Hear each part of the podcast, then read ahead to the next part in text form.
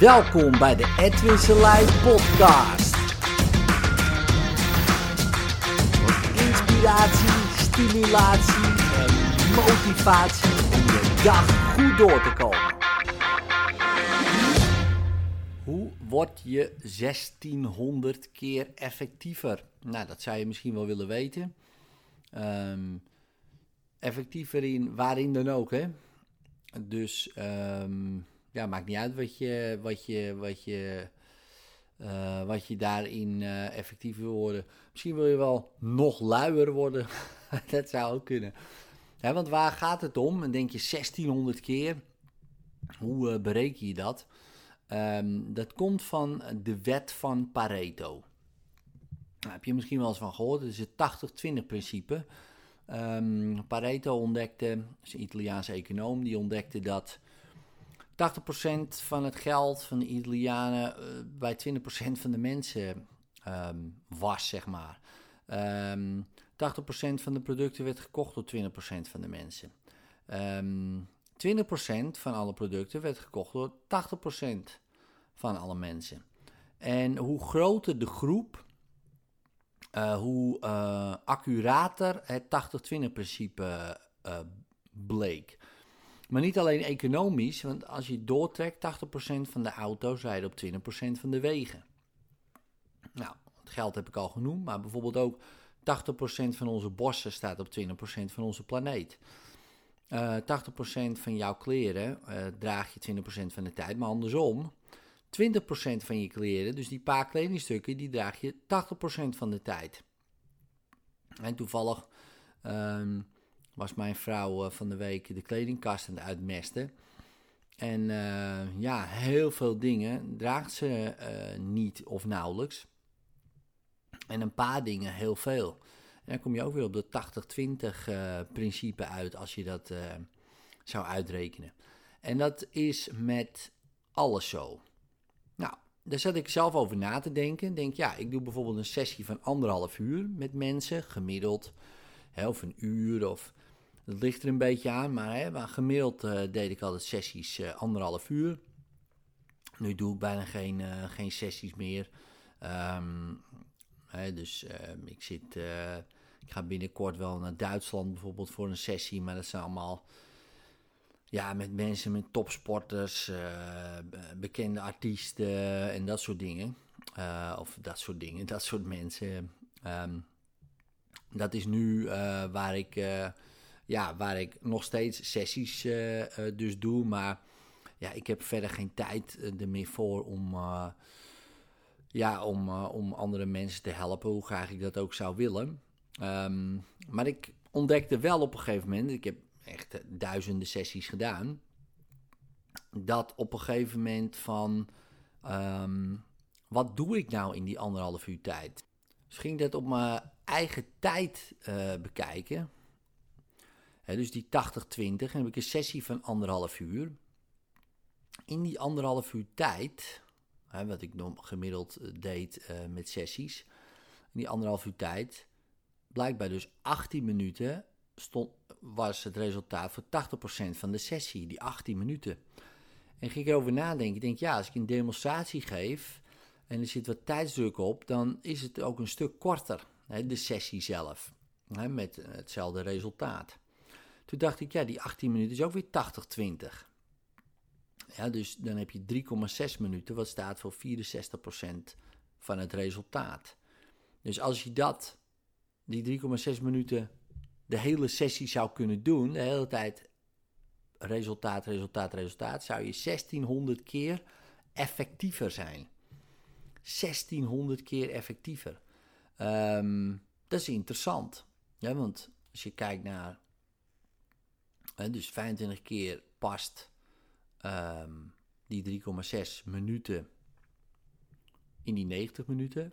En 64 maal 25 is 1600. Dus 1600 procent effectiever. Dus 16 ja, keer effectiever zou je kunnen zeggen. Ik denk, dat is wel interessant. Dus dan denk ik, ja, wat, wat maakt dan... Uh, dat het zo effectief is of effectiever is. Nou, toen kwam ik op uh, de Phenomena Method. Van daaruit is dat ontstaan. En want ik dacht van ja, wanneer genezen mensen nou? Wanneer genezen mensen nou? Nou, wanneer ze geloven. Het pilletje geneest meestal niet. Um, er zitten natuurlijk wel bestanddelen in die werken. Um, en, en soms is het ook wel zo, begrijp me niet verkeerd. Maar vaak het geloof van het pilletje, dus ik geloof in het pilletje, zorgt voor een, een heel groot, soms wel het meeste effect. Als je kijkt naar placebo-pillen, uh, daar zit helemaal geen werkzame bestanddelen in. Die werken ook bij, um, bij sommige mensen. Uh, sterker nog, die werken bij heel veel mensen. Placebo-operaties uh, werken bijna net zo goed als gewone operaties. En dan wordt de patiënt als het ware uh, niet geopereerd, maar die gelooft wel dat hij geopereerd is. En het werkt. Nou, dat is een heel fascinerend en interessant fenomeen en het heeft te maken met geloof. Ik geloof, uh, of eigenlijk, ik weet zeker dat het is gebeurd. Of ergens misschien niet helemaal zeker, maar ik geloof, ja, ik ben toch geopereerd. Ik ging naar het ziekenhuis, ik werd onder verdoving gebracht. Ik word wakker, ik zie een litteken. Ik denk, ja, ik ben gewoon geopereerd. Maar dan was er misschien alleen dat litteken aangebracht. dat soort onderzoeken zijn er heel veel. Dus het geloof dat het is gebeurd, zorgt ervoor dat het lichaam herstelt. Het geloof. Dus wat nou als we het geloof kunnen maximaliseren in een sessie? Dat de cliënt echt gaat geloven, ja, dan geneest hij dus sneller. Maar goed, hoe uh, zorg je ervoor dat iemand gelooft? Um, een van de dingen is uh, wanneer iemand verwonderd raakt. En want ik dacht gewoon bij mezelf van ja, wie gelooft er nou het meeste van de mensen? Nou, dat zijn kleine kinderen, die geloven alles. Maar waarom geloven die alles? Die zijn continu in een staat van verwondering. Ze zijn helemaal open voor suggesties. Alles is een wonder. dus alles is mogelijk. Dus geloven ze ook alles. heel veel in ieder geval. Zeker als ze heel klein zijn, want ja, zo leer je het makkelijkst. Dan ga je niet de hele dingen aan dingen twijfelen. Het is gewoon zo. Later wordt dat anders. En wanneer begin jij te geloven? als er dus iets gebeurt wat jou verwondert. Van wow, dit is apart man, dit bestaat. En op dat moment gaat er een deur open van, hé, hey, misschien is dit wel echt. En nog ben je nog niet aan het geloven, maar je bent wel verwonderd.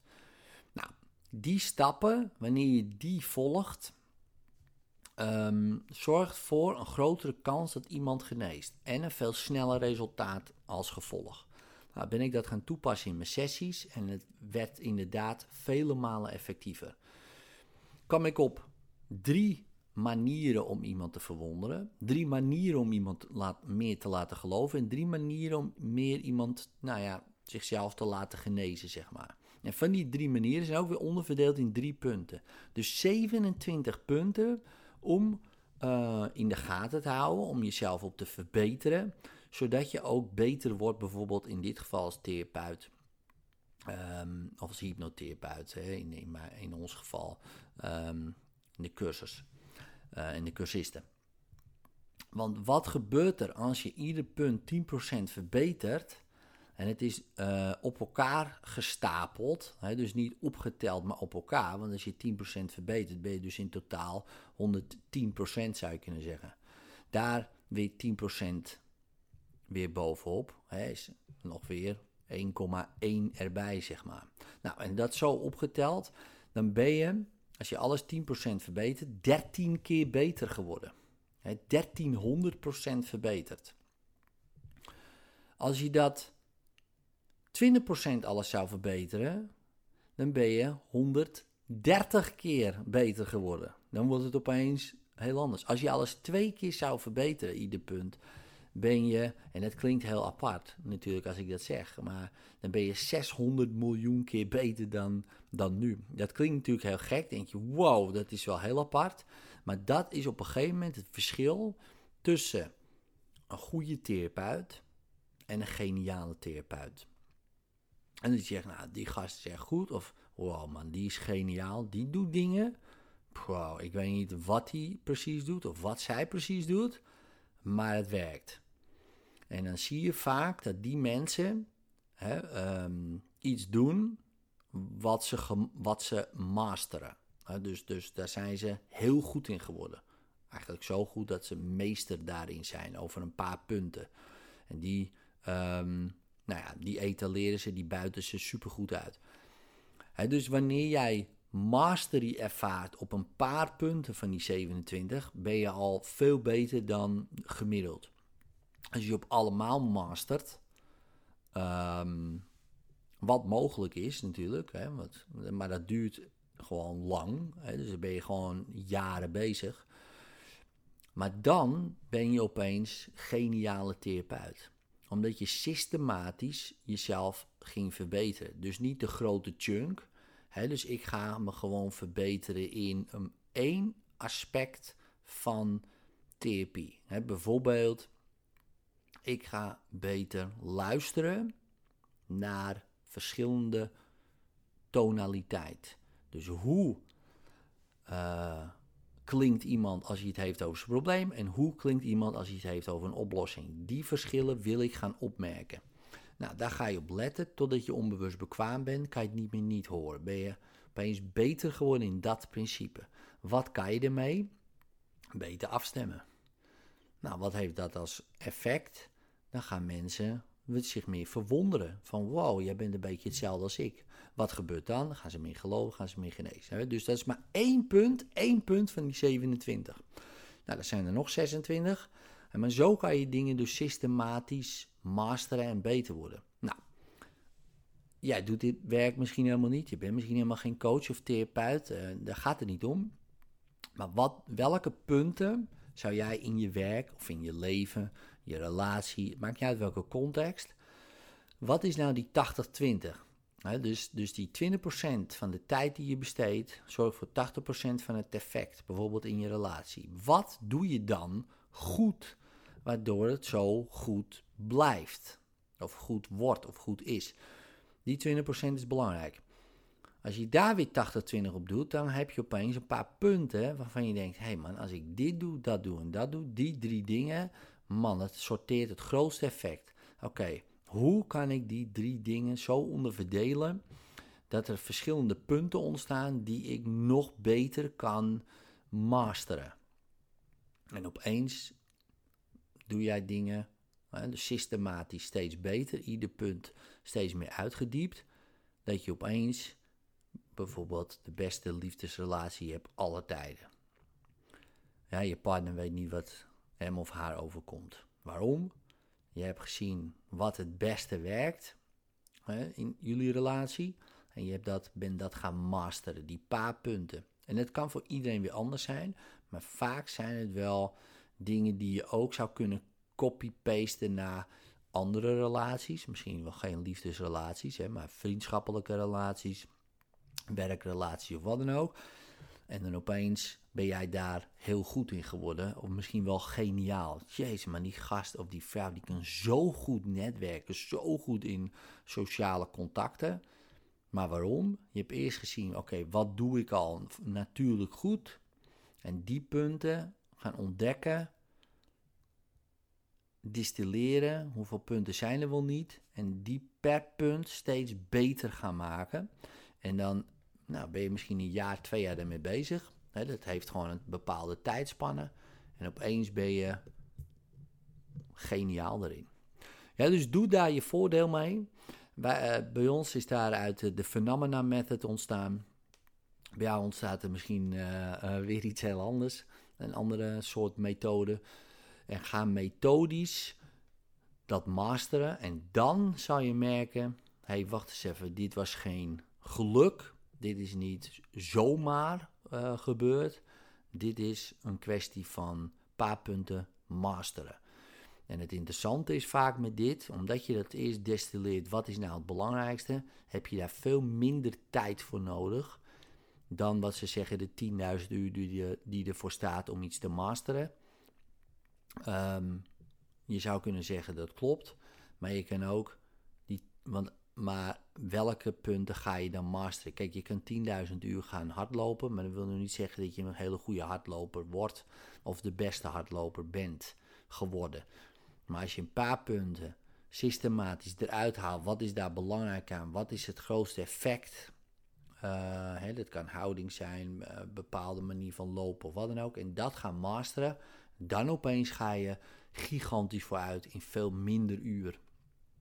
Maar goed, als je dan 10.000 uur erbij zou pakken, ja, kijk, dan ben je gewoon ehm, out of the league, zeg maar. Ja, dan ben je uh, ja, misschien wel de allerbeste. Dus uh, doe er je voordeel mee. Succes!